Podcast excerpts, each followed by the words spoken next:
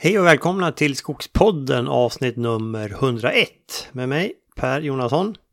Ja, som jag nämnde i förra avsnittet så kommer här ett eh, specialavsnitt kan vi säga eh, som eh, kommer nu innan sommaren här. Eh, sen blir det ett litet sommaruppehåll. Eh, jag kommer ju tillbaka i augusti sen. Men idag ska vi prata om något helt annat. Alltså, det var ju det är sju år, lite drygt, och hundra avsnitt sedan vi drog igång Skogspodden. Och eh, det har varit eh, väldigt kul. Det är fortfarande kul tycker jag. Bosse hängde med första 80 avsnitten. Sen har jag kört själv. Jag vet att han lyssnar på avsnitten. Jag brukar få lite kommentarer ibland. Men jag, jag nämnde ju också att vi skulle göra något litet extra kul eh, så här för att liksom fira att det är 100 avsnitt och sju år. Och det handlar den här podden om. Så häng med så åker vi upp till Gävle. Patrik, var, var är vi nu någonstans? Nu står vi 35 meter upp i luften i Mackmyra eh, whiskyby Ja. i vårt gravitationsdestilleri och i skybaren, eller på balkongen utanför skybaren. Sjukt högt upp, ovanför trädtopparna. Blickar ut över en fantastisk tall och granskog. Ja, just det. Och jag som är höjdrädd, jag håller mig lite en bit ifrån kanten här känner jag. Jag är ju inte heller, jag älskar inte det här heller va. Men det finns något kittlande i det här. Ja, Det är ett otroligt liksom, mäktigt perspektiv. Det blir som ett hav av Just grönska. ja. Och det är precis som du nämnde tidigare, de högsta granarna och högsta tallarna de är ju nästan i vår höjd här. Vi har ju en gran där borta som den är ju, den, den är, ju i den här höjden. Absolut. Helt klart. Och en tall där som har en rejäl ja. höjd. Nej, otroligt. Vad är det du kallar klassificering? G? 32? Alltså, ja, den där granen där, det är ju säkert en G, den är ju G36 36. Eh, antagligen. Den är ju 36 meter hög kan vi gissa då. Ja, ja men en fin skog. För, varför är vi här då? Vi är här för att eh, välja ut eh, hur eh, skogspodden smakar. Just Bokstavligt talat. Just det. För att kunna skapa en eh, whisky tillsammans eh, och ett samarbete som ja, kan leda till lite annat kul. Lite event och berikande för bådas verksamheter. Ja. Eh, Och vi har ju lite gemensamma nämnare. Någon form av passion och lust inför det här med livets goda. Ja. Men också träd, Träd. bokstavligt talat. Yes. Jag tänker på eh, ekens betydelse för, för vår del. Så eh, destillatet är, viktigt. Vattnet och kornet och Mm. gästen. Hantverket. Hantverket. Men det är ju eken som sen gör enorm, eh, enormt betydelsefull skillnad för slutresultatet. Just det. Så vad eken har vuxit, eh, om det är amerikansk vitek eller om det kanske rent av svensk ek Mm. som vi introducerade en gång i tiden. ger ju olika karaktär på, på destillatet. Ja. Och sen kan ju faten bära lite olika saker, viner eller annat. Och det ger ju också då karaktär till... Hur man har använt faten liksom i, i generationen innan eller tidigare i livet. Ja. Mm. Men är använder man, tar man helt eh, färska fat, ekfat också eller? Ja, men det kan man göra. Ja. Absolut. Och man handskas med dem lite, på lite olika sätt. Det är ju lite beroende på vad, även där då vad eken har, har vuxit. Men Ja. ett jungfruligt fat har ju enormt mycket tanniner och Just så det. att säga, eh, et- eteriska oljor från eken. Så man kan ju säga att det sker ett litet utbyte under mognadsprocessen. Ja. Där eken renar vissa föroreningar från, eh, från destillatet Mm. och puttar sen ut sin färg och smak och doft och aromer. ja.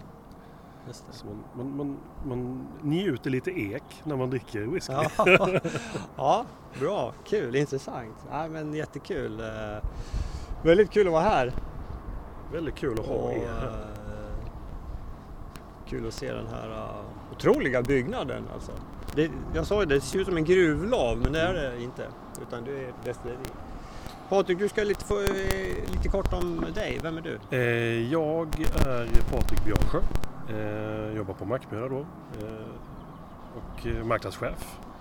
Bland annat ska jag väl säga. Eh, också ytterst ansvarig för vår upplevelse.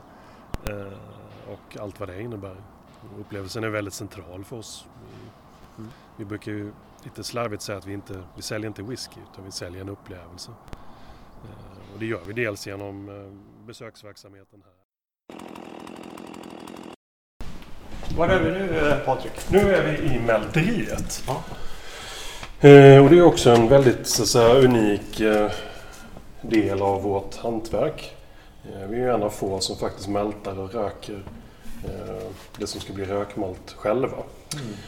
Eh, I världen ska jag säga. Det finns ju några kommersiella mälterier som i princip förser resten av världens producenter med rökmalt. Men vi har valt att göra det. Eh, För att det ger så mycket för dels eh, smaken, kunna påverka den så att det blir som vi vill. Att det ska Mm. bli den där svenska karaktären, svenska röken. Ja.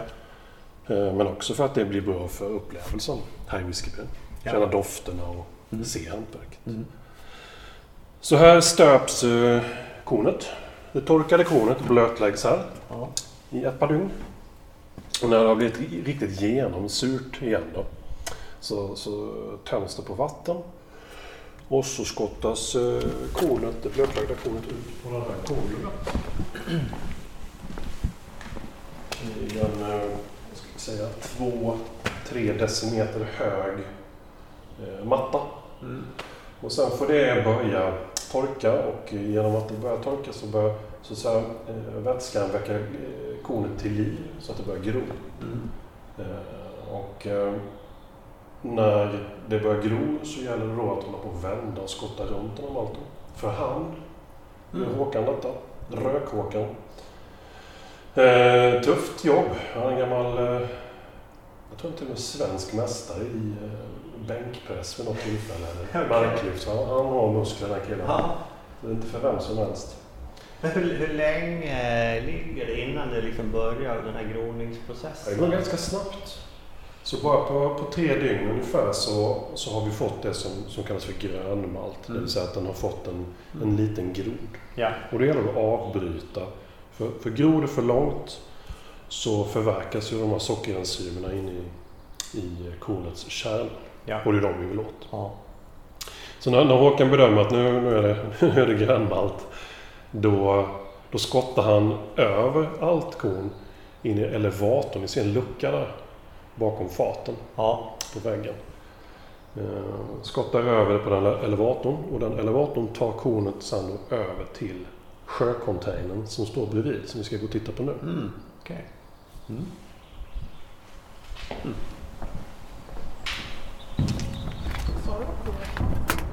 Också svenskt. Mm. absolut. Vi har bara svenska råvaror. Det är också en jätteviktig Det är, grej. ja, Det är bra, bara svenska råvaror. Ja. Ser ni elevatorn? ja. Eller liften där då. Och då kommer kornet helt enkelt eh, landa på den här midjehöga eh, plåt, eh, plåt, perforerade plåtgolvet Ja. in i den här eh, ja, ombyggda sjöcontainern. Och ni känner på doften. Ja. Jag behöver inte ord förklara hur det Nej, doftar. det, här, det känns verkligen. Vad säger du Helena? Du som har Jag bra tyck- näsa. jag tycker det luktar som man rökbastu i Finland. Snyggt. Ja. Det är Ja, Det är precis. liksom, Mm. ja, så här mörka och rökiga. Och, Mm. Men du sätter ord på det för att så här. I den här kaminen. Då fjuttar vi igång eh, en eld med gamla fat. Det är viktigt. Ved är ju lite, eh, det är lite tråkigt. Man ska ju så att säga sluta cirkeln. Mm. Så sådana uttjänta whiskyfat får starta en, en eld. Som vi sen då eh, förser med torven då från Karinmossen. Eh, och på torvbädden så lägger vi också några kvistar enris. För att få Mm. den här typiska skandinaviska eller då svenska karaktären. Mm. Eh, och det går ju att likna vid liksom bastun, bastukulturen, vedeldade bastukulturen precis som du gjorde. Lägereld, charkuterier, alltså det där vi har med oss. Ja. Eh, och substanserna i torven i Karinmossen jämfört med kanske då torv från Ayla på, på ön utanför Skottlands fastland. Det är ju helt andra, alltså, det är ju gammal havsbotten och den typen av liksom, Mm. oljiga mineraler. Mm. Eh, Vår torv här, det är ju gammal skog, ljung och tall, eh, granskog. Och då ger ju det en helt annan karaktär. Så vi får inte så oljiga, eh, eller ska jag säga, eh, käriga fe- fenoler. Utan det är just mera rökiga. Mm. Skogsbrand. Får man säga så i en skogspodd? Ja, det... Utan att rö- röra upp några Nej, känslor. men det förekommer ju. Mm. Det doftar. Mm. Och hur lång tid tar den här processen? Ett dygn ungefär. Ett dygn. Så här är det också ett enormt jobb. In och skotta. Nu ska vi se, var är vi nu? Li, berätta. Nu är vi vid mäskkärlet. Ja. Så det här är första steget då, där vi blandar våran eh, gröpe eller malt tillsammans med vatten. Mm. Eh, Och då tillsätter vi vatten i två omgångar och väldigt hårt temperaturstyrd då, för att vi vill bevara en hel del enzymer som Ja. vi behöver sen för jäsningen. Så att, eh, det här steget är också väldigt viktigt. Men här blandar vi då 1500 eh, kilo malt tillsammans med ungefär totalt 9 kubik vatten Okej. i två steg. Då. Ja. Och sen står det här och rörs runt. Eh, I den här, vad ska Ja. vi kalla den? s- Mashtan eller ja, mäskkärl. just det. Och den rymmer då alltså Ja, det är 9 kubik? Ja, den rymmer ju lite mer då, men Lite mer, 9 ja. är ganska högt upp i den. Eh, och det är en batch för oss. Mm. Okej. Men här har vi då som sagt gröpen då som innehåller även skal och lite andra rester tillsammans Ja. med vattnet. Och det är ju vattnet som vi kallar för vört som Mm. vi vill fortsätta använda. Ja. Så att när det här har gottat till så vi har fått ut stärkelsesocker från, ja, från eh, malten Ja. in i vörten, i vattnet, så separerar vi de här två. Och det som restprodukten då, eller själva gröten, vad vi nu ska kalla det, det kallar vi för drav. Och det går till biobränsle. Okej. Så det skeppas härifrån. Men hur länge blandas det här då innan det separeras? Eh, nu vågar inte jag faktiskt ge ett exakt svar, men jag vill säga sex timmar. Okej. Ja. Men det är liksom det är på timnivå, det är liksom inte... Ja, nej, nej precis. Utan det, det, det här görs ju en gång per dag, på, per skift Ja. liksom. Okej. Eh, Men sen är det väl också lite grann beroende på hur varmt det är i omgivande luft och, och lite Ja. annat. Ja. Men Intressant. någonstans där. Ja. Och hur, hur sker separeringen då? Är det någon form av filter? Precis, eller? du har en bottentappning Ja. eh, på den här som filtrerar bort Ja, resterna. Okej. Sen är det ett litet eh, arbete att rengöra den här det kan jag tänka mig. Ja. Sen vill vi ju då att använda den här vörten, men då behöver vi den tredje ingrediensen som ni har bakom mig i kylen. Ah, Och det är, Jäst. Jajamän, och det är inte vilken jäst som helst. det är våran kronjäst på söta degar. Det är samma som man eh, Bakar med. bakar med? Jajamän. köper på Ica. Det är, bara, det är bara lite större förpackningar. Ja. Som kommer från den här jästfabriken. Jästfabriken Ja, i. Norrviken. Ja, Rotebro, precis. Ja. Ja. Mm. Jajamän. Och det är ju den jästen som man använde vid de allra första försöken. Eh, bland annat, men den som var framröstad som den allra bästa kombinationen. Tillsammans med den malten då och vattnet som vi, som vi använder. Så att den eh, hänger vi kvar vid. Okej. Så vi har egentligen varken en optimerad destillerimalt eller en jäst för destillering. Nej. Utan eh, vi kör en, en eh, bryggarmalt. Och som sagt då, Ja. kronjäst. Ja. Det. Lite, Ja. lite större för hur mycket är det, eller hur mycket, hur mycket använder ni? här är ett kilo per sån här, men vi använder Just det. 24 kilo per eh, batch. Och nu när vi har filtrerat bort så är det ungefär 8,2 kubik vört. Okej. Som då ska in i de här jästankarna Ja. tillsammans med jäst. Och här ligger de då eh, optimalt i fyra dagar. Fyra dagar. Jajamän. När jag säger optimalt då pratar jag för Mackmyra för att vi ska ha den karaktären som vi, som vi vill ha. Ja. Själva alkoholtillverkningen, eh, om man kan säga så, den är klar efter 48 timmar. Så att allt som händer efter dem, då förbrukar vi snarare alkohol Jaha. för att bilda estrar. Okej. Alltså smak... eh, Ja, smak. Går det så- 48 timmar så har det liksom jäst upp. Vilken Ja, men då- då alkoholhalt pikar är vi liksom. på då? Ja men eh, i, med våra förutsättningar då, våran gäst är någonstans kring 7 eh, maxar vi på och sen tappar vi ner till ungefär 6 procentenheter. Okej. Men vi kan kika ner i ett järn här. Är det full action. Är det? Kika på knappen där. Här är, här är ingen action, här är färdigast. Just det. Det händer ingenting. Här. Oj, jäklar. Just det. Här bubblar det ordentligt. Det är som att det kokar nästan. Ja, just det. Och det är ju, då är det ju i kolsyra. ja. Som... Som eh, eh, kika får. Fermentationen är verkligen i full Just det. fart. Så gästsvamparna bara käkar, käkar, käkar socker Ja. Och bildar alkohol. Wow. Där var det tomt. Det var tomt. Just det! Nu, nu börjar man känna lite Ja, eh, alkoholdoft lite. och sen nu börjar man känna igen de här kopparpannorna Precis. också. Nu börjar det se ut som ett eh, destilleri. Och där har vi Mattias också. En av våra operatörer. Just det. Eh, hör... har... nej, jag tänkte att du skulle höra Ja. vad jag sa. Eh, jo men han ser ju ut som ett destilleri. Ja. Helt plötsligt. Så att vi kör ju en dubbeldestillering då. Vi kokar två gånger. Eh, Själva destilleringen förstår ni vad den går ut på. Att alkoholen ångas tidigare och så kyler vi ner. Ja. Eh, Så att in, det här är vår svagspritspanna, alltså det första steget då, där vi tar in eh, det som kommer från jäskärlet.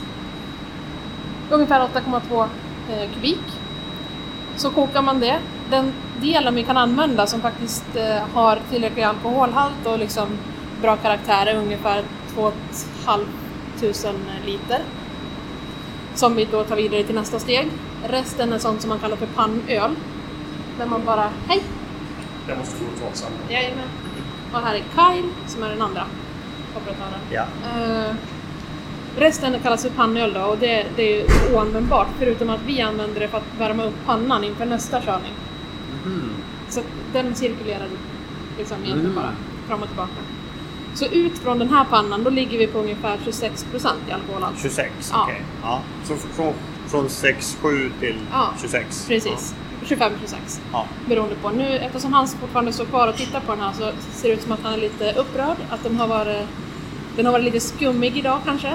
Att den har bubblat lite för mycket för dem så de har fått köra lite långsammare. Då brukar han ha det där ansiktsuttrycket. Eh, Men då kör man ju både svagspriten och starkspritspannan då Ja. samtidigt. Så det blir ju andra destilleringen. Eh, och ut därifrån så tar man tre delar och de ska vi titta lite närmare på här nere. Så förstår ni hur de här hänger ihop också på ett bättre Mm. sätt. Så att eh, vi går ner. Mm. Intressant.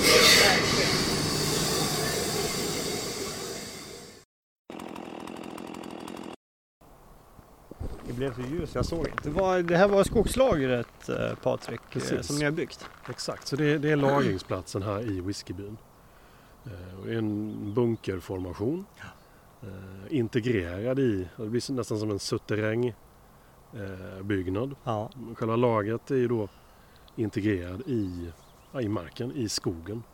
Så hade vi kommit från, från motsatt rik- riktning nu, från naturområdet. ja. Då hade vi inte sett eh, lagret överhuvudtaget förrän vi kom fram till det här räcket. Det växer ju på taket. Ja. Det är inte så många tallar än men eh, det är björkar och det är nog en och annan tall Ja, men jag ser en tall eh, till vänster. Ja. En liten. Ja. Så här är, är det ert huvudlager det här då, eller? Nej. Nej. Vårt huvudlager ligger i gruvan i Bodås. det. eh, 55 meter under jorden. Där har Mm. vi all vår egen sprit. Mm.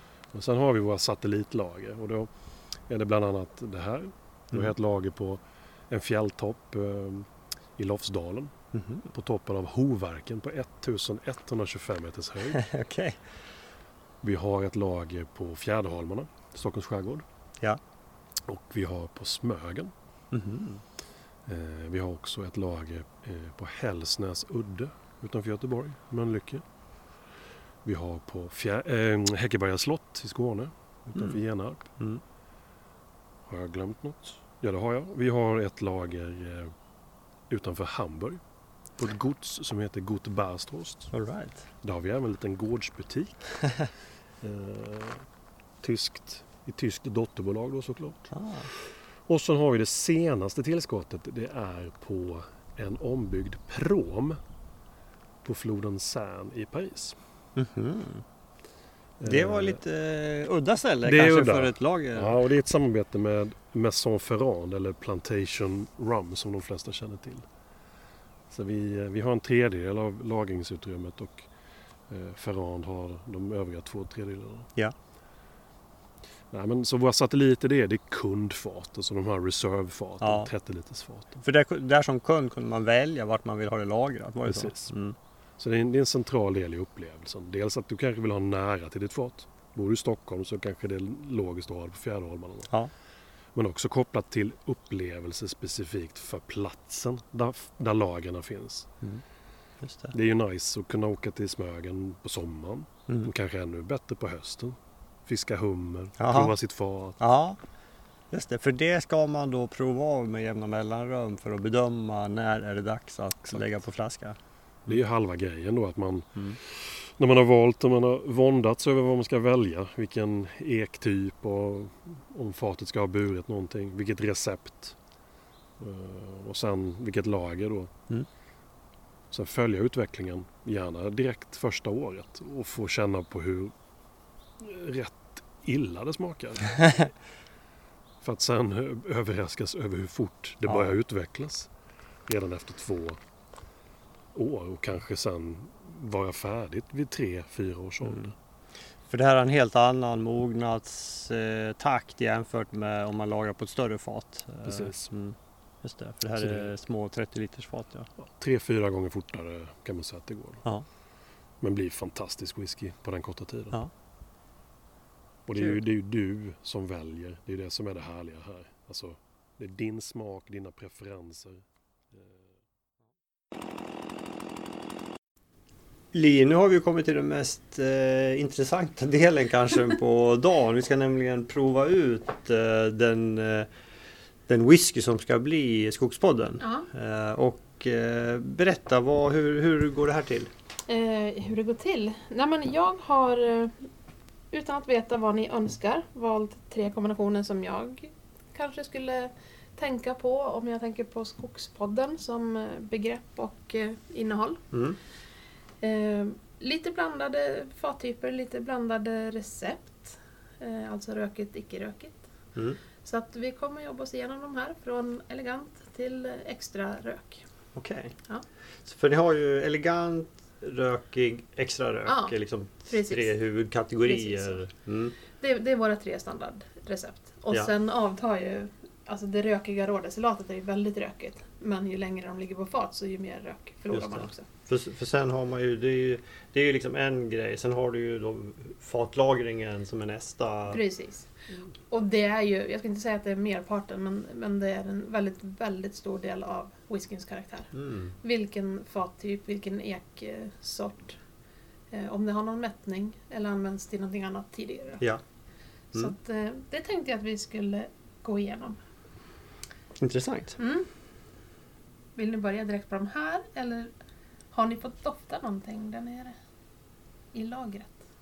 Inte mer än de liksom generella dofterna i, i, i luften. Nej, Nej. eh, inte... Mm. Spännande. Men de fat jag har här det är dels bourbonfat, alltså ex-bourbonfat, sådana bourbon tidigare som är amerikansk ek. Eh, och sen har jag en kombination av bourbon och nya amerikanska ekfat av lite mindre modeller. Mm. Så jag tänkte ni skulle få dofta i alla fall på ingångsvärdena. Alltså rena Ja. fat. Så att ett bourbonfat här. Kan ni dofta lite på. Eh, den har ju en väldigt tydlig vanilj, den är ganska fruktig. Mycket Ja, där eh, hörde vi vad jag och min fru Helena gjorde där i mitten på maj. Vi besökte alltså Mackmyra whiskyby utanför Gävle och eh, ja, det var ju en eh, heldagsutflykt där vi fick ju en jättefin rundvandring på hela området och eh, ja, mycket imponerande destilleri tycker jag. Det är ju som sagt, det ser ut som en, en gruvlav. Det är liksom byggt på höjden. Så börjar ju uppifrån och sen liksom går det neråt hela vägen då. Jag ber om ursäkt, ljudkvaliteten kanske inte var hundraprocentigt. Ganska mycket höga ljud där, men eh, jag tycker ändå att eh, man kan hänga med skapligt vad som händer i processen då. Ja, eh, så den här whiskyn, 100 tallar kommer den att heta. Den kommer ut efter semestern. Jag återkommer till exakt när det blir, men Eh, vi tar det efter semestern. Det blir lite tajt att hinna innan här, utan vi, tar det då. Kommer att finnas i beställningssortimentet. Eh, ni kommer att få eh, nummer och sånt där. Det kommer att bli en upplaga på 400. Och eh, vi har ju provat ut en som, ja, riktigt fin. Jag gillar den skarpt. Eh, men det tar inte slut här, eh, utan jag har en intervju till. Och den kommer här. Anton Holmström, välkommen till Skogspodden. Ja, tackar. Du har ju varit med förut. Det var avsnitt 70. Vi pratade digital eh, eh, skogsmätning och gallringsuppföljning. Ja, just det. Just. Ja, det är ett tag sedan. Ja, det är, tag, det är alltså, i augusti blir det tre år sedan. Ja, det, ja jag tänkte gissa på två år, men ja, det, ja, tiden går. Tiden går. Ja, det var ju... Jag, jag tog faktiskt fram de här filerna som jag fick av dig och kikade på. Där du, du flög med drönare. Vi hade gallrat på ett par områden och så flög du med drönare. Och så, och så blev det liksom punkt meter och så kunde man se koncentration, alltså hur stammar per hektar. Precis. Liksom varje given yta. Mm. Och det tog liksom, det tog bara liksom ett par minuter så var det klart. Ja, exakt. Ja, det var helt fantastiskt. Ja, men det har vi jobbat vidare med så att nu uh, flyga drönare är ju inte så många, det är fortfarande inte riktigt bekvämt för många att göra det. Så att det vi gör nu är att vi sätter uh, GoPro Eh, en GoPro-kamera istället på skogsmaskinen. Skogsmaskinen kör ju ändå överallt, så att då får vi i princip en uh, totalmätning av hela beståndet. Får, eller överallt där maskinen har varit, mm. så mäter vi vad som står kvar efter gallringen. Okej. Okay. Ja, ja. ja. Ja, det är ju jäkligt smidigt. Jo, men då, då behöver man inte köpa in några nya drönare eller några nya maskiner eller ändra på någonting, utan man, man bara monterar kameran och så så kör man. Så att, eh. men, men kan man få ut liksom en karta då som, där man ser då liksom i, liksom, om, det kan ju skilja mellan områden då liksom? Mm, ja, men då, eh, sen, sen eh, har vi en process då där man laddar upp, eller den här kameran måste synkroniseras till en, mot en server och eh, sen bearbetat och sen får man tillbaka en karta. På, där man på, inom beståndet då ser diametervariationer och grundyta, skador på stammar kommer vi kunna få ut här också. Och så, så att eh, eh stickvägsbreddar etc. Ant, antal, liksom, antal stammar per hektar också? Jajamän, stammar per hektar, diameter, variationer mm. uh, och uh, det du kan göra sen då också, eller det, det, jag ser att industrin kommer göra, det är att man tar ju skördardatat också så att du vet ju vad du har tagit ut. Så att då har du katrammätningen, vad som står kvar, du har skördardatat, vad som har tagits ut och sen mm. så kan man då stoppa in det här och titta enligt gallringsmallen. Uh, var det här optimalt för alla delar av beståndet? Så, ja. ja, så det, det går framåt. Det, det gör det. Ja, det låter ju väldigt intressant för det är ju ofta hör man ju och läser om att vi kanske har en tendens att gallra lite för hårt. Mm. Det stod ju, det kom ju nyligen från Finland, deras eh, skogsstyrelse kom ju med några rapporter att det var ja, i, i princip eh, det var, det var väldigt vanligt, eller ja, nästan överallt, att man gallrade för hårt. Men, jag min reflektion och det här, det här ser jag ju globalt också att eh, man vet hur man ska gallra vetenskapligt. Eh, men, men att tillämpa det operativt är extremt svårt och eh, det mänskliga psyket gör ju att man, man vill att man ska göra rätt. Så att man tittar på skogen efteråt så utgår man ifrån att det är rätt gjort. Uh, och, och relaskopering och allt det där bygger ju, det är väldigt mycket mentalt inkopplat. Det är ju ingen, det är ingen mätning, det är ju en skattning som bygger på uh, mm. mänsklig påverkan så att säga. Så att vi upptäcker inte när det blir dåligt idag uh, inom skogsbruket och uh, vi tittar ju bara i medeltal och det som är väldigt viktigt, särskilt utifrån produktion men även klimatmöjligheter uh, så tänker jag, det är att vi vill ju inte ha att det i medel ska vara rätt för hela beståndet utan vi vill ju att det ska vara rätt i alla delar av beståndet. Um, vi, vi, gjorde en, en väldigt stor studie i, i, i, ett land i Sydamerika där vi såg att ja, men de de låg på beståndsnivå, eller operativt sett så hade de kanske godkända gallringar 90 procent någonting sånt av alla bestånd.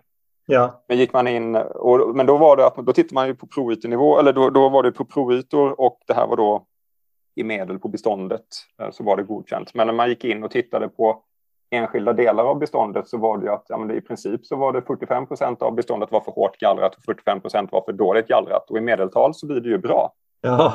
Men ja, det var ja, ingenstans som det var bra. Det kanske var 10-12 procent som var bra gallrat eh, i, i, verkligheten. Så det, ja, då... Och det är samma sak i Sverige. Ja. Och då är det ju perfekt att få en, liksom, en uppföljning så man ser liksom, hela området hur det ser ut. Eh. Men du Anton, vi började hoppa in på detaljer. Vi kan väl, ja. Du kan väl berätta lite grann om dig själv. Vem är du och din bakgrund? Ja, nej, men jag eh, pluggade skog för 20 år sedan. Eh, och jobbat ehm, inom svensk skogssektor eh, då sedan, sedan 2003, 2004 någonting sånt där. Uh, har jobbat med allt ifrån plantering, eh, uh, skogsentreprenadsjobb. Uh, jag var 12, 13 år på Skogsstyrelsen.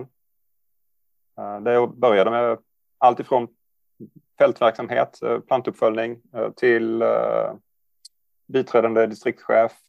jobbade nationellt med fjärranalys, eller på fjärranalyssidan och drev då drönarimplementeringen på, på bred front i Sverige. Mm.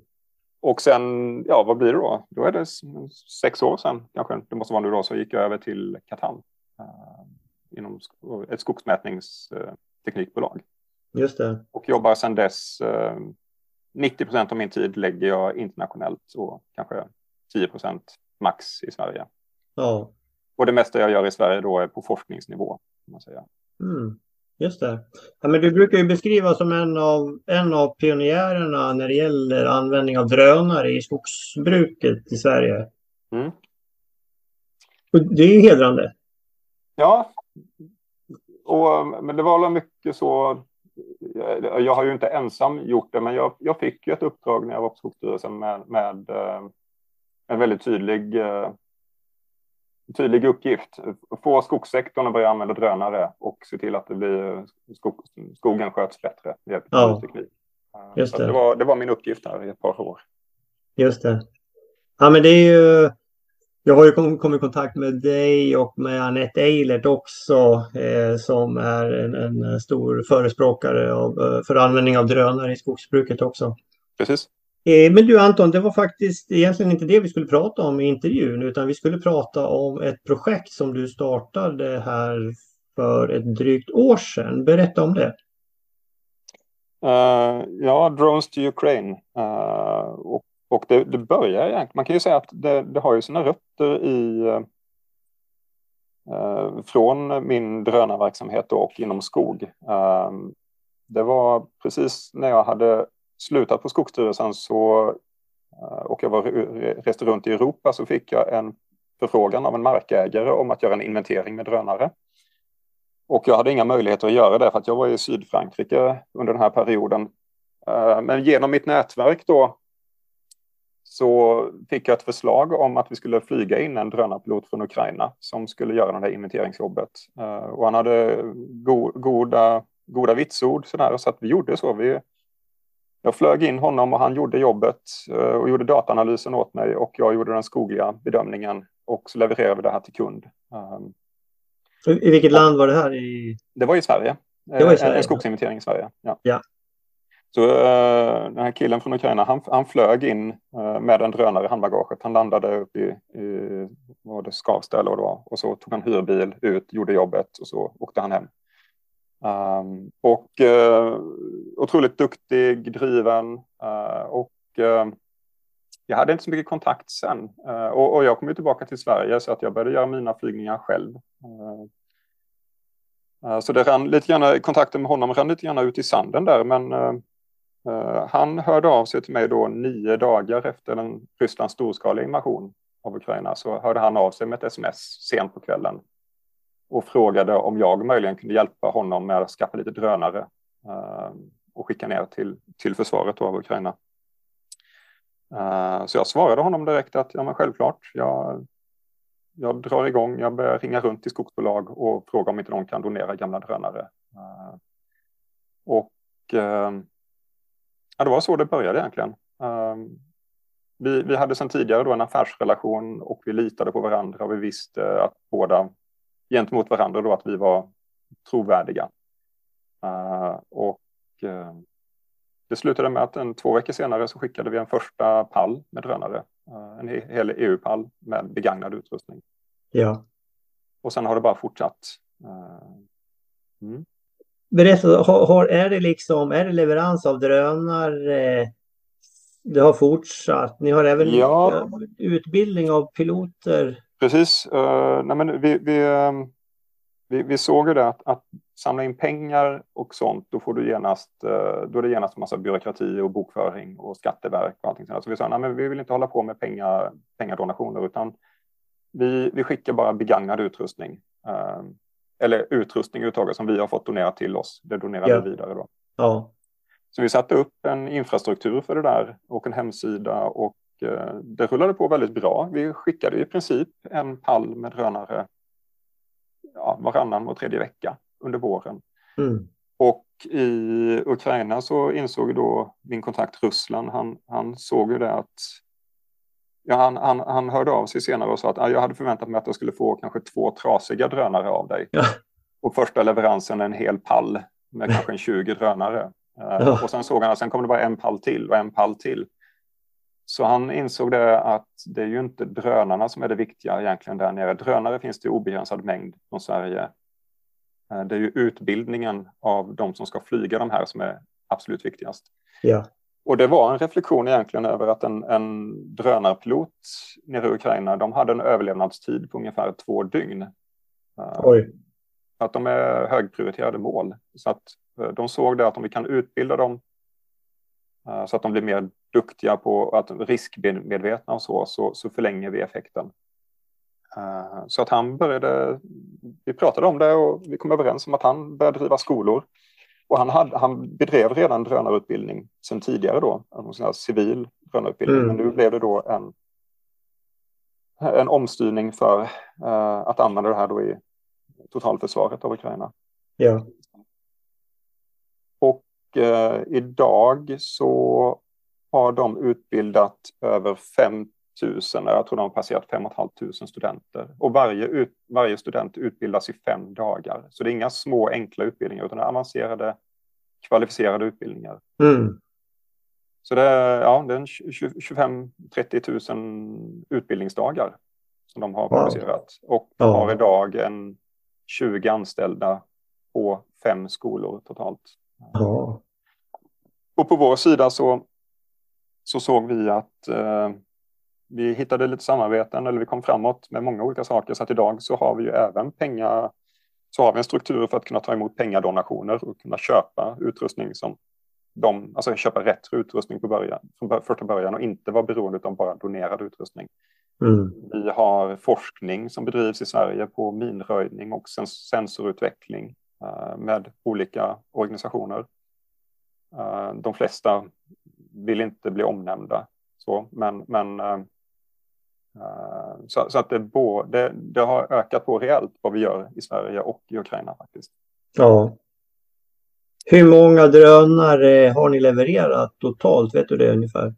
Ja, ingen ja, Alltså jag kan inte säga exakt, Nej. men någon, min sista skattning var 700. Eh, I dagsläget skulle jag nog säga närmare 800. Ungefär. Ja. Ett samlat värde på ungefär 10 miljoner. Ja, just det. Och de här används då till olika saker. Du nämnde ju minröjning bland annat. Precis. Eh, eh, absolut största delen är ju, till en början var det ju att dokumentera krigsbrott och att ähm, äh, säkra upp säkra evakueringsvägar ur städer. Mm. För, för att ryssarna, när de tappar jag ordet, men, men när, när ryssarna då höll kvar civilbefolkningen i en stad eh, och de inte kunde fly så, så sa de sen då att ja, men ni får fri lejd ut på den här vägen mellan klockan tre och fyra. Då får ni åka ut på den här vägen, då får ni evakuera där. Ja. och sen klockan kvart över tre så började de beskjuta den här vägen då med artillerield. Mm. Så det var ju rena bakhåll de höll på med, bara för att ha ihjäl civilbefolkning. Så att eh, så fort de hade koll på att ryssarna låg och bevakade en väg, då flög de runt med drönare, då, ukrainarna, och letade efter andra vägar där de såg att här var det säkert att fly. Och sen kommunicerade de det då så att man kunde fly ut. på andra Ja. I dagsläget så är den absolut största delen är ju militär användning idag. Så att det är för rekognosering och eldledning. Eh, det, och Mm. överlevnadstiden på de här piloterna idag, de militära piloterna, de, det är ju, det är ju likvärdigt. De, de lever lika länge som en vanlig soldat. Kan man säga. Så att de Ja. är, man har verkligen lyckats få till en mycket bättre överlevnadsgrad och beteende. Mm. Och så, ja, så, förlåt, då kommer jag från ämnet här, men, men minröjning, minröjning är då ett, ett av de projekten, ett av de forskningsprojekten som vi bedriver då för att, med ambitionen att kunna minröja jordbruksmark. Och det här är ju en verksamhet som eh, den kräver ju tillstånd från, från eh, staten då att få bedriva. Eh, Men det vi gör är att vi fokuserar på forskning och utveckling och utbildning, drönarutbildning av de som håller på med minröjning. Så att vi sysslar inte själva direkt med minröjning utan vi stöttar dem med kompetens. Uh, skulle vi gått in och gjort minröjningen själva så krävs det en otrolig organisation. Mm. Men utbildar ni piloter här i Sverige? Ukrainska piloter? Eh, nej, inte den vanliga utbildningen. Däremot så utbildar vi specialister i Sverige.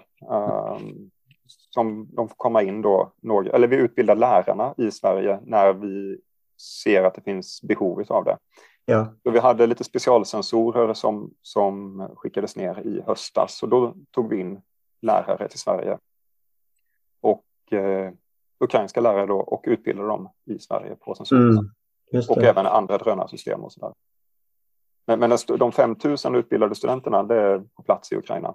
Ja, just det.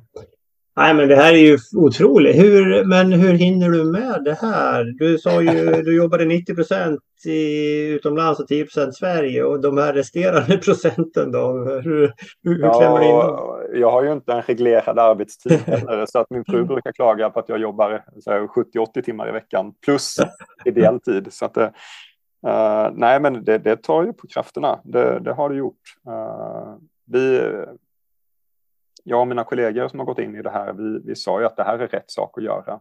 eh, så att vi ska göra det. Mm. Eh, och eh, vi hade vår styrelse med oss också som tyckte att det här är rätt sak att göra. Så att det här, det här gör vi. Så. Men, men efter ett år så började det bli, det började bli jobbigt. Ja. och Men med, har du- med, jag ska säga, med samhällsekonomin och allting sånt också så, så är det ännu jobbigare för oss som startup då att ja, vi, vi har ju inga statliga medel eller vi har inga fakturer som bara rullar på löpande. Nej, Det måste hela tiden genereras intäkter. just det. Precis. Ja, men du har några kollegor som är med och driver det här eh, och det, det är inte bara folk från eh, Katam. Nej, det är flera företag. Eh, vi, det är över en 20 personer som jobbar med det här i Sverige. Eh, Allt Ja. ifrån eh, oss inom skog då, drönarspecialister, eh, forskare, eh, signalspecialister, eh, jurister, ekonomer, eh, marknadsföring. Eh, all, all, och så är det egentligen alla vi har bett, så fort vi har behövt hjälp inom någonting och vi har bett någon om hjälp och sagt kan du hjälpa oss ideellt för det här ändamålet så har alla ställt upp direkt. Eh, Så att eh, en bra bit över 20 personer i dagsläget är det som jobbar. Så Ja. jag kan inte ta upp med hela äran utan jag var bara den som startade igång det så att säga. Började dra i trådarna. ja, det är inte så bara. Det är ett otroligt projekt här som du lyckades få till. Alltså, det är helt otroligt. Ja, men jag, det har ju stått lite om det i tidningarna också så det har ju blivit eh, lite uppmärksammat eh, helt Mm. klart. Oh ja. Ja, och, det, och det, det, det blir uppmärksammat i Ukraina också. Jag menar, vi eh, med svenska donerade privata medel så har vi, vi står ju för mer än hälften av alla utbildade piloter i Ukraina idag. Det är inga statliga pengar som har gått in i det här, utan det är, det är privata svenska donationer som Mm. står för hälften av utbildad personalplats. Så det är en enorm potential. Och det, det, här ser ju Försvarsmakten här i Sverige också, att det här är ju just det här ideella engagemanget har ju varit otroligt viktigt. Eh, både det ideella engagemanget i Ukraina och att man är snabbfotad, men även hur andra länder ställer upp och företag ställer upp och jobbar. Just det. Ja, jättekul, mycket beundransvärt och det är ju jag nämnde ju för dig, eh, tror jag, att vi Skogspodden fyllde ju 100 avsnitt här nyligen. Det här, det här som vi spelar in nu, det blir avsnitt 101. Och vi har en, en liten kul ett, ett samarbete här. Så i höst, efter sommaren, så kommer jag släppa en, eh, en, en, en Skogspodden 100 tallar, en whisky. Tillsammans okay. med, i samarbete med Mackmyra. Ja, vad kul. Ja. ja, jättekul. Och mitt eh, mitt överskott ifrån det här projektet, eh, det tänker jag skänka till eh, Drones to Ukraine. Ja, men vad kul, tackar. Plus att jag skjuter till eh, lika mycket då, så att jag liksom, jag, jag dubblerar det. Så att, eh, ja, det, det, kommer er till godo. Ja, vad kul, vad kul. Ja.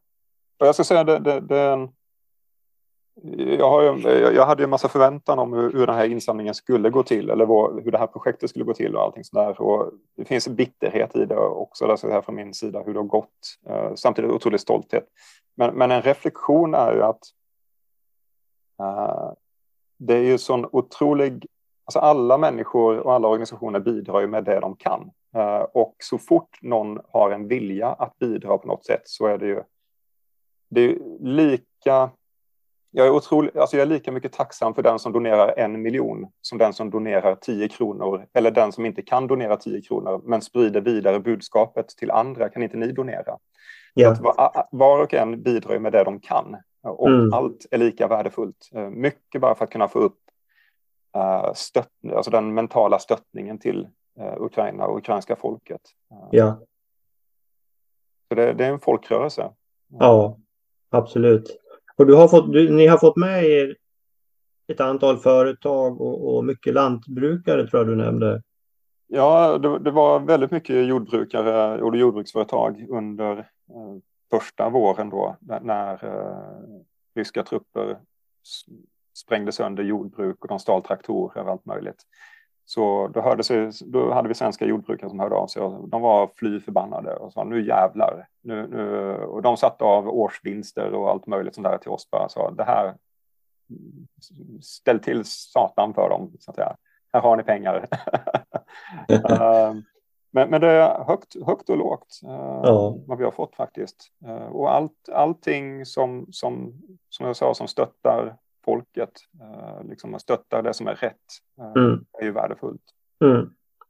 Men du har, du har inte fått med några stora skogsbolag än i Sverige? Nej, nej det, det är tråkigt. Och det var det där jag hade min bitterhet lite grann. Eller det var min felgissning. Det var det jag sa till Ryssland när jag pratade med honom. Att ja, men jag, jag tror vi kommer få svenska bolag att donera alla sina gamla drönare. Så att vi kommer få mycket drönare. Mm. Men, men det hände inte. Det, och det var så här i efterhand en reflektion över att det är stora trögrörliga organisationer. Eh, det är svårt. De som är snabba och som har gjort störst skillnad, det är ju de små privatpersonerna som kan ta ett beslut direkt. Det är små företag mm. med platta organisationer där man kan ta snabba beslut. Eh, ja. Medan de stora organisationerna, de, det tar det tid.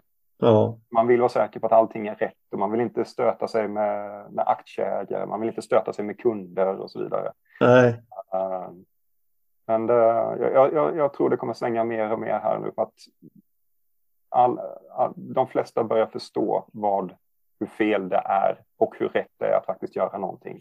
Ja, Nej, men absolut. Och vi, kan ju, vi uppmanar ju alla lyssnare att gå in på Drones to Ukraine. Ni har en hemsida där kan man läsa mer om det här projektet och man kan även då, ja, det står hur man kan skänka sina drönare eller donera pengar till er organisation. Då. Precis. Det, och då ska jag säga drones 2, siffran 2, uh, eh, Ukraine. Just det. det jag tänkte nämna det också, det, det, det måste man veta. eh, jag, jag, lägger en länk i eh, avsnittsbeskrivningen så har man den direkt här. Just det, toppen. Ja, nej, men i höst kommer 100 eh, tallar Skogspoddens whisky ut och eh, som sagt det blir 400 flaskor, en limiterad utgåva. Och överskottet till det skänker jag till Drones to Ukraine och jag stoppar in lika mycket utöver överskottet också så att vi, vi fyller upp där. Så jag hoppas att det är fler som eh, är med och bidrar till ert fantastiska arbete. Jag tycker det är verkligen beundransvärt. Ja, tackar. Och då blir det självklart, då måste jag ju köpa en flaska också. Uh, då är det dubbla, syfte, dubbla bra saker med dem. Ja, men det, det, det räknar jag med, absolut. det, det, kommer att finnas i beställningssortimentet. Så jag, ska, jag ska se till att ta fram uh, beställningsnummer och sånt där när det närmar sig. Så, mm. Ja, jättekul. Ja. ja, men vad kul. Eh, stort tack Anton. Är det någonting eh, du vill eh, avsluta med och skicka med till Skogspoddens lyssnare här? Oh, nej, det var en bra fråga. Nej, det var jag inte beredd på. Vill ni läsa mer så vad vi har gjort och så där, så jag, jag brukar publicera en artikel på kvartalsvis ungefär på Cornucopias blogg.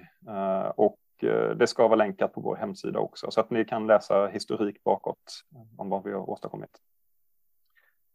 Och har ni förslag och tips och idéer på andra samarbeten och hur man skulle kunna stötta oss så får ni jättegärna höra av er via mail också. Så adressen har ni på hemsidan. Bra, suveränt. Gott. Då eh, stort tack Anton så, så tack säger så vi på återhörande. Det gör vi. Kul.